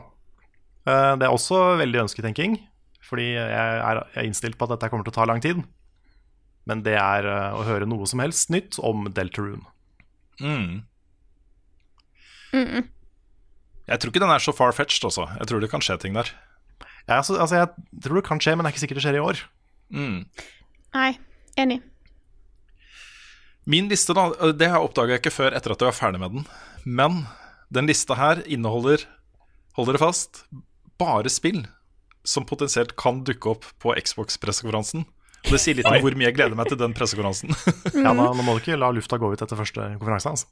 Nei, men, eh, men eh, ok. Jeg har også Great Rune, selvfølgelig. Den, eh, jeg har ikke noe spesiell rekkefølge her. eh, Men jeg har også Halo, Infinite. Jeg håper at de får den serien på rett kjøl igjen. eh, For det ligger så mye fett der som, som ja, de kan gjøre dritbra ting med. Fable 4 Det er også et sånt rykte folk sier det er under utvikling. Pålitelige kilder sier det er under utvikling. Jeg vet ikke om vi får se det nå, men jeg tror det. Og Fable-spillene, konseptet i seg selv er nydelig. Og så har jeg Sekiro-delelse. Jeg er så gira på delelse etter Sekiro at jeg liksom får jeg se noe der, så vet jeg at jeg kommer til å bli megahyped for det. Og så den største ønsketenkningen, og som sannsynligvis ikke skjer, men som kan skje, og hvis det skjer, så skjer det på Microsofts pressekonferanse. Grand Theft Auto 6. Oi. Ja, den er, den er på ønsketenkenivå, ja. Ja. Det tror jeg vil ta tid, men, men ja. Ja. Jeg har to honorable mentions, som, eh, så er egentlig en topp sju, fordi det er eh, Jeg har ikke rangert det. Uh, Red Dead Redemption remake i Red Dead Redemption 2 Engine. ja. Som ja det vil jeg si er mer sannsynlig, Ja, kanskje. Der har du jo liksom datamina ut dialog og sånt som eksisterte i, i forgjengerne osv. Så, videre. så ja, ikke helt usannsynlig at det kommer til å skje. Men også uh, det neste spillet til Playdead, altså Limbo Inside-folka. Det også er sånn typisk Microsoft-pressekonferanse-mat. da Uh, og der har du jo jobba med det lenge nå. Det er på tide at du viser noe fram, og jeg tror det kommer til å skje på årets etere. Enten på Xbox-pressekonferansen eller på PC Gaming Show. Så ja. Jeg ga jo terningkast seks til uh, Limbo og ti av ti til Inside, så det sier seg selv at dette er et studie jeg er veldig glad i. så ja. Det var min liste. Yes. Jeg tror det blir bra etter også. Enig. enig. Ja, så tror jeg. Selv uten Sony. Ja. Selv uten Sony. Så bli med oss. Vi fins da på Twitch TV slash levelupnord. Det er bare å gå inn der, abonnere, så får du varsler hver gang vi går på. Eh, I hvert fall i teorien. Jeg ser òg at eh, Ole Kri lagde en Google Calendar der eh, som Hvis du trykker på den linken, den ligger i Levelup Community, så legger det til alle tidspunkt for pressekonferansene og når vi går live i kalenderen din. Så da har du ingen unnskyldning hvis du plutselig glemmer det. eh, så anbefales. Eh, jeg skal si Ole Krig, for det han heter i, i Twitch-chatten. Eh, men eh, det fins i Level Up Community. Sjekk det ut. Mm. Og Level Up Community er da på Facebook. Yes. Det er ikke, ikke noe vi driver, det er noe folk har starta selv. Og det er morsomt fordi den ble starta før vi eh, starta for oss selv. Og het da La Level Up Levele, og det heter den fortsatt. Ja. Så det er litt morsomt. Men mye bra folk. Eh, Neste nyhetssak er formet som et spørsmål fra Erik eh, Julem. Hva er tankene deres om Pokémon Sword and Shield nå etter Directen som var på onsdag? Mm. Det jeg, fikk eh, med var at, jeg fikk med var at eh, de viste jo fram sånne eh, Open World Multiplay Multiplayer Raids og sånne ting. Stemmer. Mhm. Da var det en, et stykk familiemedlem som gikk litt bananas her hjemme. Når han så det. Å, de var store! Det var Ja. store Pokémon! Åh, du skulle filma det. ass. Det, Ja. det var egentlig akkurat samme reaksjon som jeg hadde. Ja, ok, kult. Jeg, jeg sa nevnte det for Karl i går, men jeg husker jeg satt og så i den pressekonferansen. Så sier de på et tidspunkt Ja, du la kanskje merke til det, men nå kan du styre kameraet sånn som du sjøl vil. Og jeg bare sånn Å, du kan styre Det er 2019. Jeg er hypa på at du kan styre kameraet sånn som du sjøl vil. Mm. Det er Sånn der har vi er. Sånn har det vært i alle år med Pokémon. Sånn her, Oi, det er 3D! Og så var det liksom på 3DS. eh, Ja. Og, og du kan gå diagonalt! Wow! Så Pokémon-serien er liksom interessant. Ja. Og eh, jeg, jeg får litt kommentarer hjemmefra fra en som ikke er så veldig Pokémon Så veldig så En som ikke er Pokémon-spillfan. Eh, og da er sånn, skjønner jeg ikke Han klarer ikke helt å se hva som er gøy i det, og da kan jeg forstå. Hvis du er ut forbi, hvis ikke, hvis ikke da ut forbi, det er feil ord, da på en måte føles det som at måte, vi som er inne i den kule gjengen. Hvis du ikke er så interessert i den serien her, så kan jeg skjønne at det virker litt teit at du plutselig nå kan bevege kamera og litt sånne ting. Men det er litt stort for serien, altså. Jeg trodde det bare det er var en sånn dialektting Frida, sånn utforbi at det var noe sånn At det betød noe At ikke det var eh, det du, det, det faktisk betyr, da. Men Ja. insinuerer du at Pokémon-gjengen ikke er en kul gjeng? Nei, nei, Nei, det var jeg bare, jeg bare tuller. Nei, uh, så eh, Men jeg, jeg er litt spent. Jeg er litt uh, Jeg syns I dag så jeg disse store Pokémonene, for nå er det jo en mulighet for å bruke noe sånn Dynamaxing uh, ability, som gjør at Pokémonene blir kjempestore. Jeg føler de begynner å gå litt tom for ideer. For tidligere så hadde du på en måte megaevolusjon, som var jo òg en ting, men nå er det bare sånn Hva om Hva om de blir store, da? Ja. Det er en, ja, men ja da, det er en god idé. Så jeg er ikke helt solgt på den, da. Det er jeg som Nei. sitter og kommer med litt kritiske stemmer her. Ja, altså, ja, den, den tingen var ikke det som på en måte hypa meg mest. Men jeg ble mer gira nå etter den konferansen her, eller den directen her, enn jeg var fra før. Enig. Samme. Det så stort ut. Også det, også ikke bare at Pokémon var store, men at det var mye å gjøre. Det var, De viste fram god chunk av innholdet i spillet der. Altså. Ja, og så liker jeg òg at du nå da De viste klipp av at du kan se Pokémonene in the wild. Det er så bra at de har fortsatt. Mm. Det var den tingen Let's Go gjorde riktig. Ja. Mm. Og så syns jeg, liksom, i motsetning da, til alle spillene som har kommet før, og også i motsetning til Let's Go, egentlig, så syns jeg det her så ut som et hjemmekonsollspill. Ja. Og Det det var kult akkurat å se, for Fordi det, det inntrykket fikk jeg ikke helt første gangen. Men her fikk jeg mye mer eh, inntrykk av den skalaen og den, eh, den eh, viben som spillet kommer til å ha. Da. Og den likte jeg veldig godt. Mm. Jeg tror det her kommer til å bli et, et svært og kult spill. Jeg gleder meg. Nå kjenner jeg at jeg gleder meg ordentlig. Det var vel, datoen var vel 15. november. Så Ja. da har vi ei uke på oss på å spille Death Stranding før en må begynne på Pokémon. Ja, ikke sant? Ja. men det klarer vi. Ja Vi bare binger eh, Death Stranding, så er vi klare. Ja, ja. Åh, jeg kommer til å bo i Death Stranding, jeg. Det, er, eh, ja, Da tror jeg ingen det gleder jeg meg så sjukt mye til. Altså. Men, eh, men Rune, Ja. nå er det jo fire player raid battles i Pokémon. Ja. Og vi har, vi har oss to, Frida, og vi har Nick. mhm. Nå vet jeg ikke om, om Lars kommer til å spille Pokémon. Så Kan hende vi trenger en fjerdemann. Ja. Så uh, the invitation is open. Ja da, jeg, jeg, det kan godt tenkes at jeg blir med på det. Hvis Nice. dere trenger meg, så stiller jeg opp. Ja.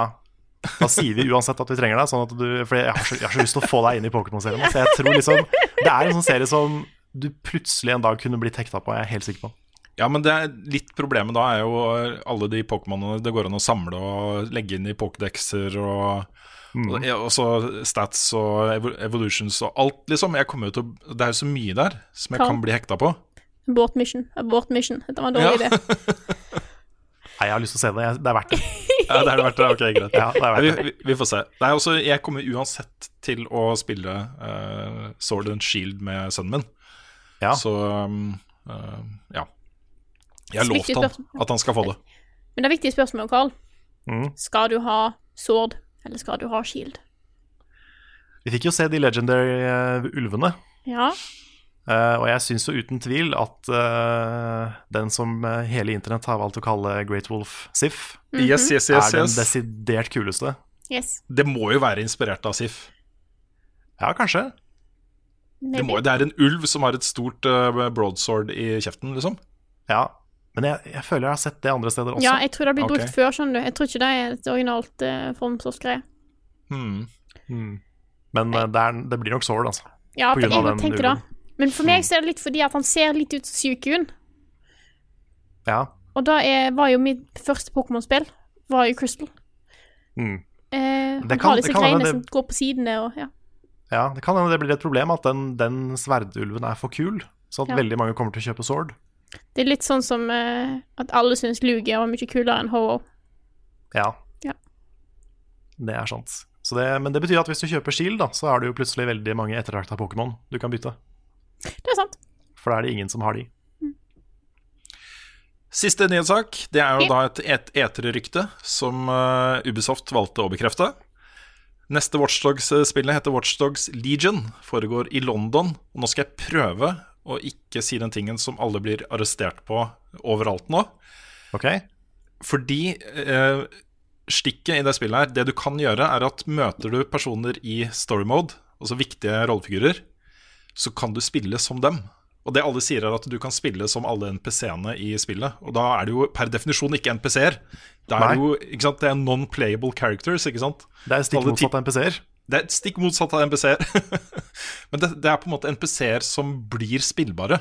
På en måte. Også i, eh, normalt sett så ville det bare vært NPC-er, men her så kan du uh, gå inn og spille som dem. De har visstnok også fått uh, hver sin unike historie. Jeg tipper at de nok blir fletta inn i en eller annen sånn main story på et eller annet vis.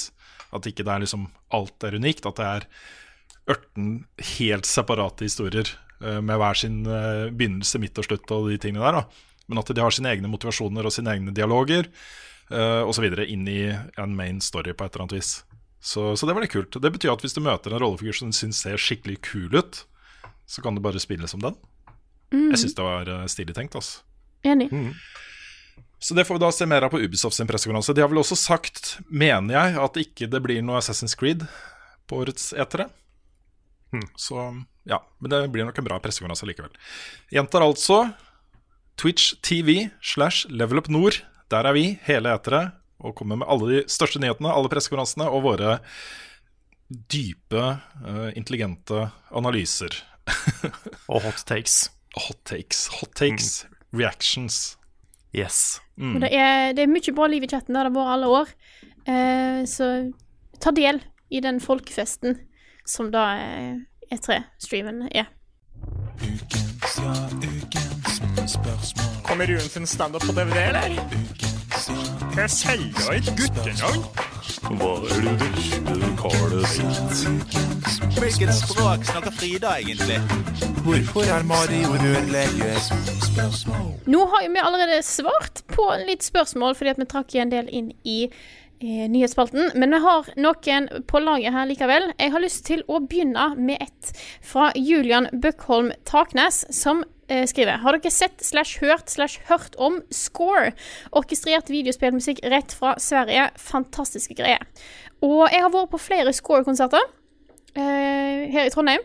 Det er jo en, det er en serie som går litt på eh, går til ulike eh, De ulike symfoniorkestre rundt omkring i Norge som måtte, har sånne konserter. Det er helt fantastisk. Det er det. Vi har ikke bare hørt om Score, vi har vært på Score og til og med hatt en podkast spilt inn på Score. Det har vi. Så det, definitivt eh, kjenner vi til den. Dette var egentlig mest for å ta opp en, en ny anbefaling fra min side. At i dag, i dag kjører jeg fullt ut, og det er helt, eh, det er insane. Uh, hvis det dukker opp en sånn konsert nær deg, og du kanskje aldri har vært på en uh, konsert med et ordentlig symfoniorkester, do it. Det er så utrolig mektig å høre på et fullt symfoniorkester inni en ordentlig sal. Uh, det er ingenting som er helt som da, nå er jeg kanskje litt ekstra musikknerd her. Men jeg tenkte også å ta det opp fordi at jeg var inne og sjekka på Trondheim Symfoniorkester si, sitt program for høsten. Og det har de faen meg inn! Det er samme folka som, som står bak Score, som har, gitt, eh, som er, har denne her. Konserten heter We Come In Peace. Dette er ikke bare en spelmusikkonsert. Det er en sci-fi-konsert. Så eh, for å lese opp det det, skal, det står her Musikken er henta fra de mest kjente og populære filmene, TV-seriene og spillene med universet som tema. Da er det Star Wars, ET, Avatar, Aliens, Star Trek, Halo, Battlestar Galactica og mange flere. Hmm. Dette skal jeg på. Ja, den var jo også på Kilden den i vinter. Han var. Akkurat den eh, konserten. Ja da. Kult. Og jeg har også vært på Kilden og sett Score. ja. Reiste ned dit med kone og barn. Det var uh, herlig. Kult, kult. Ja, Så må vi da også nevne at hvis du eh, eh, I samme gate Hvis du liker å høre liksom klassisk uh, takes av spillmusikk, så er det en liten konsert i Oslo den 14. juni uh, med Kodama Forest, som vi hadde en reportasje om i spilluka. Eh, og det er jo en uh, Altså, de er seks, tror jeg. Seks personer som har lagd klassiske arrangementer av uh, av kjent spillmusikk. Og det er jo ikke sant, Kingdom Hearts, Pokémon, Zelda, eh, Krono. Det er bare sånne ting som du liker, Carl. Ja, ja. Det er en konsert for meg, det der. Ikke sant? Så, så det, blir, det blir nok veldig bra, det også. Der er det bare å søke opp Kodama Forest på Facebook, så får du et event og greier på, på den. Spill noe fra Earthbound, så får dere all of my money. Yes. Jeg hopper videre til neste spørsmål jeg har på lista her. Som Mhm. er fra uh, Thomas Bjørnrud Enger, som skriver Hei, i kjølvannet av at My Minecraft Minecraft Story Mode blir utilgjengelig, altså kun mulig å spille hvis du har lasta det ned, så har jeg begynt å bekymre meg litt over andre spill. Jeg har hørt fra flere kilder, at bl.a. Steam, så kjøper du kun muligheten til å laste ned spillet, og ikke faktisk spillet. Da hvis Steam legges ned, så kan du miste muligheten til å laste ned spillene dine. Lurer egentlig på hva dere tenker rundt dette her. Og det er jo en av problemene som dukker opp nå, når, når alt blir digitalt. Det er jo litt, mm. det er jo litt trist om, eh, om store spillopplevelser forsvinner fordi plattformene legges ned. Ja, så Det tristeste her er jo at du har brukt penger på dem. Du har kjøpt dem, og du har dem i biblioteket ditt. på en måte I mange tilfeller kunne du ha valgt å kjøpe en fysisk kopi, kanskje for omtrent samme sum også. Um, og hvis de bare forsvinner, så, så har du, altså, ja, Hvis du har lyst til å spille igjen, da, så må du kjøpe det en gang til. Det er jo, det er jo ikke bra i det hele tatt. Altså, ja, det tristeste med det er jo at det er ofte ikke det er tilgjengelig heller. At hvis du, eh, hvis du mister et spill fra biblioteket ditt og du må kjøpe det på nytt, så er det ikke sikkert du får kjøpt det på nytt. Nei, Det det er er jo sant. veldig mange spill som det ikke går an å kjøpe nye. Mm. Og det er jo relativt kort levetid på nye spill også.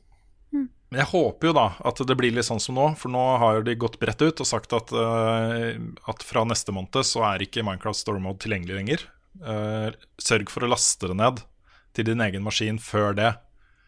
At man får varsel. Så hvis Steam legger ned, så håper jeg ikke det skjer over natta. Og så hvis det skjer over natta, det, det hadde jo altså Det hadde jo vært en katastrofe, ikke sant? Mm. Men at man gir folk god mulighet da, til å laste ned alle spillene, ikke sant? Det, det må de jo bare gjøre.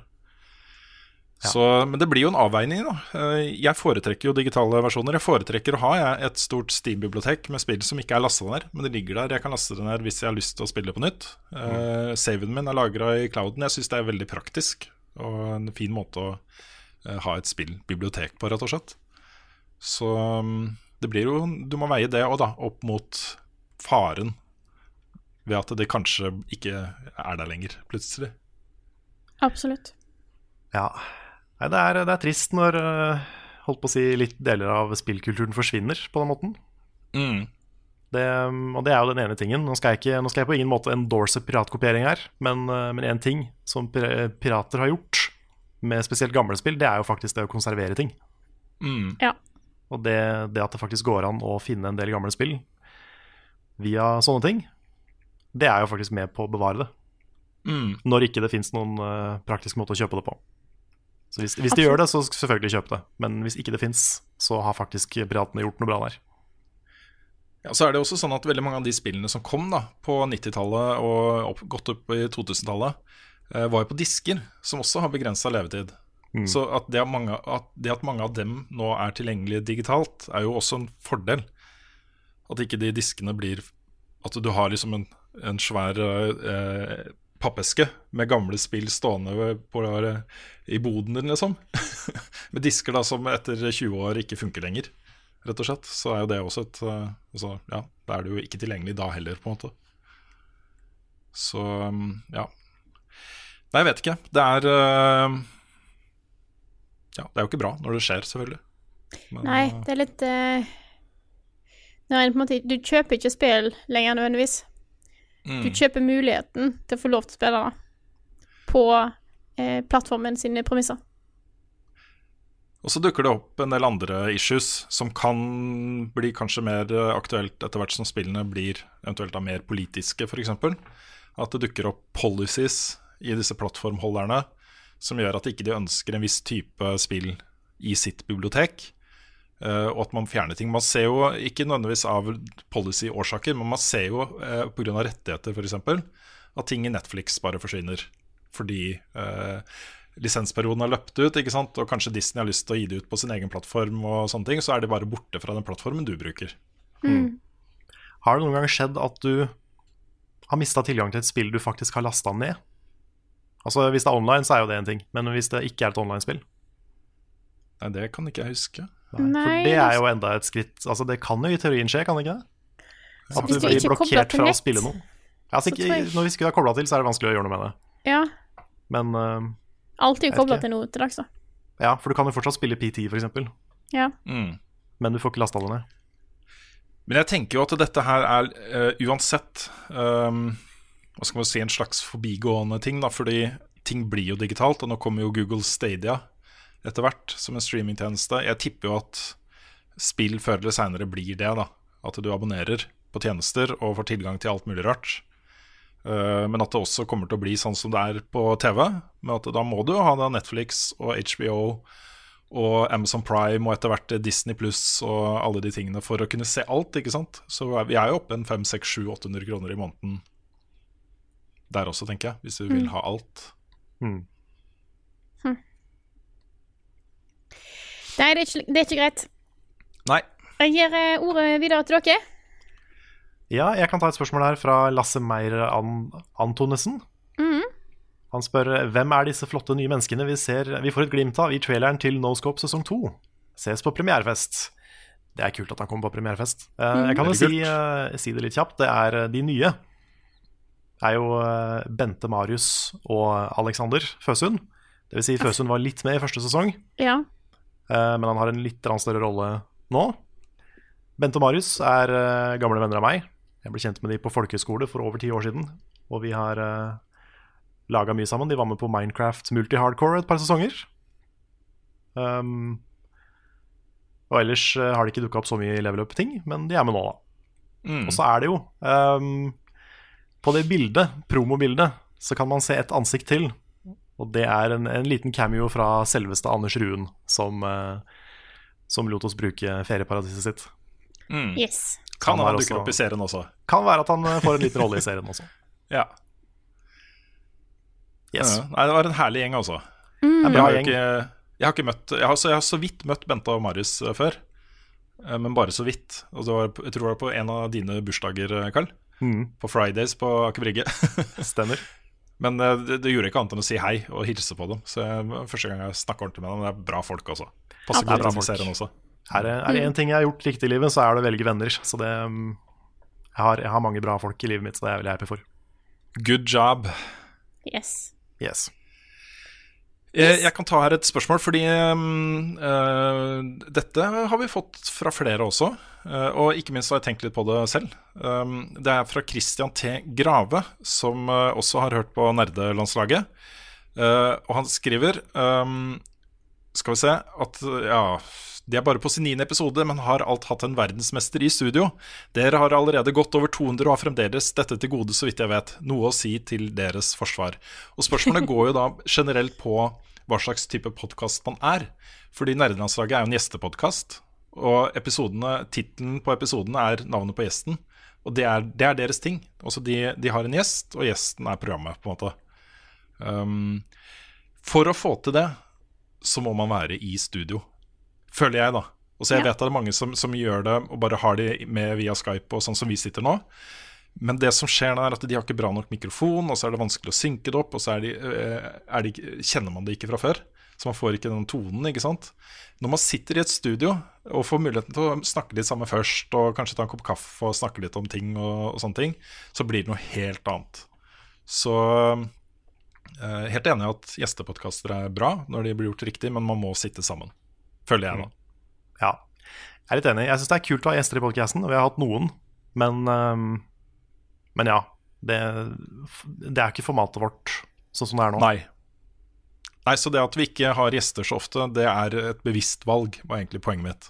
Ja. At eh, vi ikke ønsker Altså, den dagen vi sitter eh, alle, alle sammen i samme rom, så kommer vi nok til å ha gjester oftere. Ikke hver gang, kanskje, men av og til. Ja, For meg òg kunne fått sånne kule gjester sånn som nerdelandslaget har, hvis vi hadde hatt lyst til det. Ja, vi kunne da hatt så. nerdelandslaget som gjester. Ja. Mm. Yeah. For eksempel. Mm. Og så kan de ta med seg sine gjester, og så har vi plutselig bare en sj- sjukt svær podkast med masse folk. Shit. Ja. Ja, der har vi da. Jeg husker vi hadde jo eh, Hasse Hope som gjest en gang. Mm. Det var litt morsomt, for da, da sa jeg liksom eh, Da vi, da vi liksom takka for at han var gjest og sånne ting, så sa jeg ja, så kommer vi da på, eh, som gjest i, i Dustene-podkasten neste uke, da. for det er sånn det funker, ikke sant? At man eh, inviterer hverandre hele tiden. Og han bare sånn Ja, vi får se på det, vi får se på det. det er, ja. Making it awkward. ja, ja, ikke sant. Med vilje, da. Det var bare, bare for Ja, ja, Jeg visste jo at det var helt uaktuelt. Mm. For der har du jo komikere som Mm. spiller altså De tar med seg og utvikler en egen rolle, ikke sant. Eh, for episoden og sånne ting. Så det er også en gjestepodkast. Ja. Jeg har satt opp masse spørsmål, jeg også, så jeg kan godt fortsette. Hvis, uh, Ja. Kjør på. Derfor tar jeg til. Eh, ja, kan ta her fra et fra Hans Kasper Storhaug, som spør hvor gammel tenker dere at man burde være for å se på innholdet vårt? Eller dere, skriver han da. Jeg er en ungdomsskoleelev og digger innholdet dere lager. Og det er et jeg, jeg, Også rent som mediefaglig eller, eh, eller uh, firmastrategimessig så er det et interessant spørsmål, for det får vi ganske ofte offscreen fra folk. Potensielle annonsører og sponsorer og samarbeidspartnere og sånne ting. Hva er egentlig målgruppa vår? Eh, Og svaret på det er jo at hovedmålgruppa vår er voksne mennesker som er glad, vel, over middels glad i dataspill. Det er liksom standardsvaret på det. Den desidert største aldersgruppa som hører på podkasten og ser på tingene vi lager, er 18 til 35. Det er nesten 50% er i den gruppa. Men vi har også eh, god dekning på begge sider av den. Det er folk som er eldre og folk som er yngre. Så egentlig, da, det vi lager, er innhold for folk som har et litt mer modent forhold til spillmediet enn bare 'dette er fett', liksom. Eh, De ser på seg selv kanskje som spillere og spillentusiaster, da. Eh, Og det har jo ikke noe alder, egentlig. Så det kan være en en tolvåring som er veldig glad i spill, og som elsker å få nye ideer til nye spill og se litt av ting som man, man kanskje ikke kjenner så godt fra før, og sånne ting. Eh, det samme gjelder jo da folk som er 80 og 90 og alt mulig rart. da Så eh, vi snakker liksom ikke til verken voksne eller til barn eller til gamle eller noe. Vi snakker om til folk som er over gjennomsnittlig glad i spill. Og da vet jeg det finnes mange yngre som er der også. Og det jeg vil liksom si, er det at det er ikke sånn at du er nødt til å spille så og så mange timer i uka for å like oss. Det er ikke sånn at å, hvis du ikke spiller minst tre timer per dag, så er ikke du en ordentlig gamer. Hater sånn gatekeeping. Så mitt, eh, mitt syn på dette her er Vi lager da inn det, det type innslag som vi har lyst til, eh, ut ifra hva vi synes er viktig eh, for å få fram i liksom norsk spilljournalistikk. Og hvis du som hører på, eller ser på, syns at damelaget er kult, så er, eh, da er, da er innholdet for deg, rett og slett. Mm. Det er sant. Det spiller ikke noen rolle om du spiller 40 timer i uka, eller om du eh, bare spiller Candy Crush én gang i uka. Vi hører jo av og til at folk ikke spiller i det hele tatt, men fortsatt hører på podkasten vår fordi de bare er interessert i mediet, spillmediet. Men, men det, som, det som er litt viktig for meg, da, det er jo at vi tar ikke hensyn til at barn kan se innholdet vårt når vi Nei. bestemmer oss for hva vi lager. Så man må være klar over at ok, plutselig så kommer det en anmeldelse av et spill med 18-årsgrense, hvor vi også har med scener med 18-årsgrense i anmeldelsene våre. Så det, det er på en måte det, må, det budskapet må også frem da, til eh, både barn og foreldre og, og, og sånne ting. Så um, ja, bare så det er sagt, da. Nå har vi også aldersgrense på videoer, eh, siden ja. Medietilsynet har innført det. Så nå kommer det også opp et sånt symbol med, med aldersgrense for hver nye video. Ja, Vi tipper at alle 11-åringer som ser på tingene vi lager, spør foreldrene sine hver gang det kommer opp en 18-årsikon Ja. på videoene våre, om det er greit at de ser den. Sånn har det alltid vært, at eh, barn respekterer aldersgrensene og eh, Ja, spør ja. mamma og pappa først. Ja, sånn, sånn, ja, sånn er det bare. Kom inn på nettsida eller et eller eh, sånn der, eh, en nettside for et nytt spill, og så står det at du er nødt til å skrive inn alders eh, når du er født, fordi det er kanskje 18-årsgrense for å komme inn, eh, eller 16-årsgrense, eller hva det ofte er på disse spillene.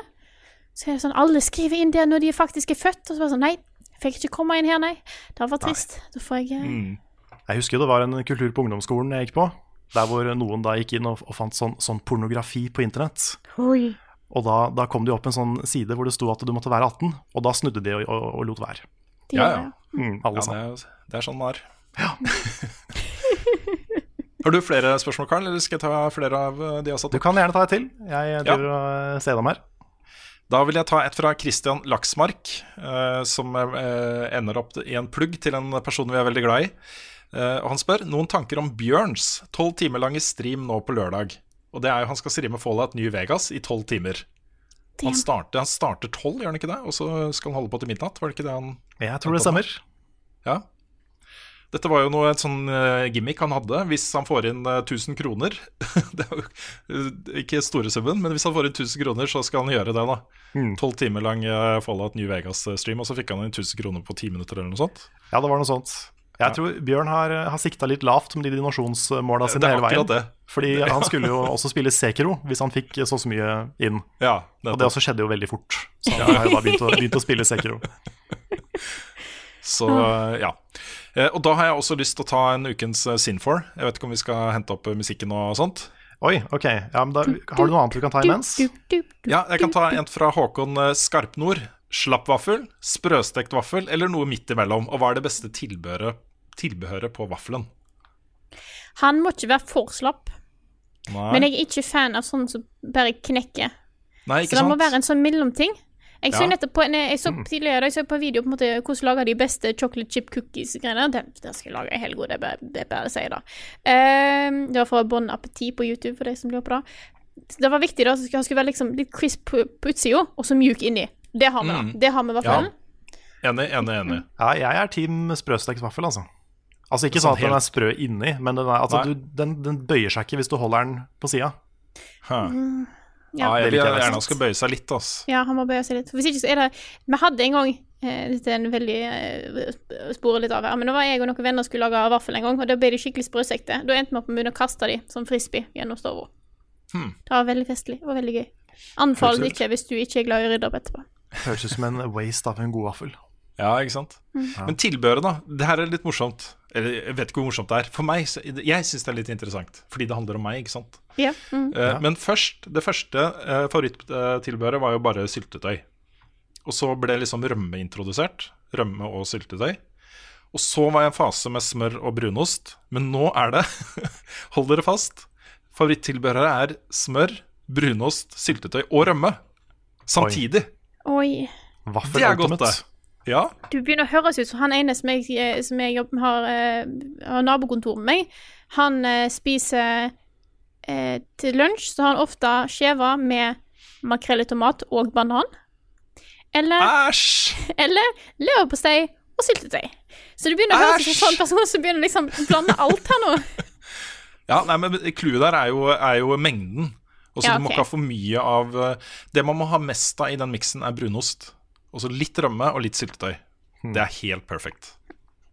Jeg er kun syltetøy. Og det er fordi at jeg, jeg liker ikke rømme. Enkelt og greit. Så kun syltetøy. Det beste på vaffel er bringebærsyltetøy. Men jeg må, hver gang vi snakker om vaffel, så må jeg gi en shout-out til den vaffelen på Retrospillmessa med brunost. For det er den beste vaffelen jeg har spist. Ja, Den beste vaffelen jeg har spist, var uh, den vi spiste i Tromsø. ah, ja. Nå hadde vi vaffel. Ja, eller var det, jo, var det ikke vaffel? Den vaffelbua vi var i? Eller var Nei, det, Nei, det var, det, det var var smultringer. Smultringer, det var smultringer. Duttas smultringa. Duttas Smultringer? smultringer var det selvfølgelig. Mm. Det var en skikkelig brainfart. Det Ja, går nå må vi ikke feilrepresentere superhelten i Troms. Nei, det er uh, helt sant. Det er helt sant. Det er helt sant. Sorry. Ok, skal vi ta ukens Infor? Jeg er klar. Ukens Infor. Det kom nylig ut en dokumentar i Sverige der de mener barn nesten blir presset til å donere penger til kjente streamere for at de skal få navnet sitt på stream eller få lov til å spille med streameren. Hva synes dere om den type streams med donasjoner, og synes dere det er en uting å tjene penger på den måten? Det var da fra Trond Borgersen, også kjent som Sinfor, og et, eh, en kraftig pekepinger til, mot eh, praksisen til Bjørn, det der altså. Rett og slett. Nei, Bjørn er absolutt ikke den verste på det der. Nei, han er absolutt ikke den verste. Og òg kanskje jo på donasjoner. Ja da. Ja, det er kanskje fint at Bjørn bare ber om 1000 kroner. Ja. Ja, det, mm. Nei, men det fins jo, jo eh, veldig mange veldig kyniske eksempler på, på det der. Å ja.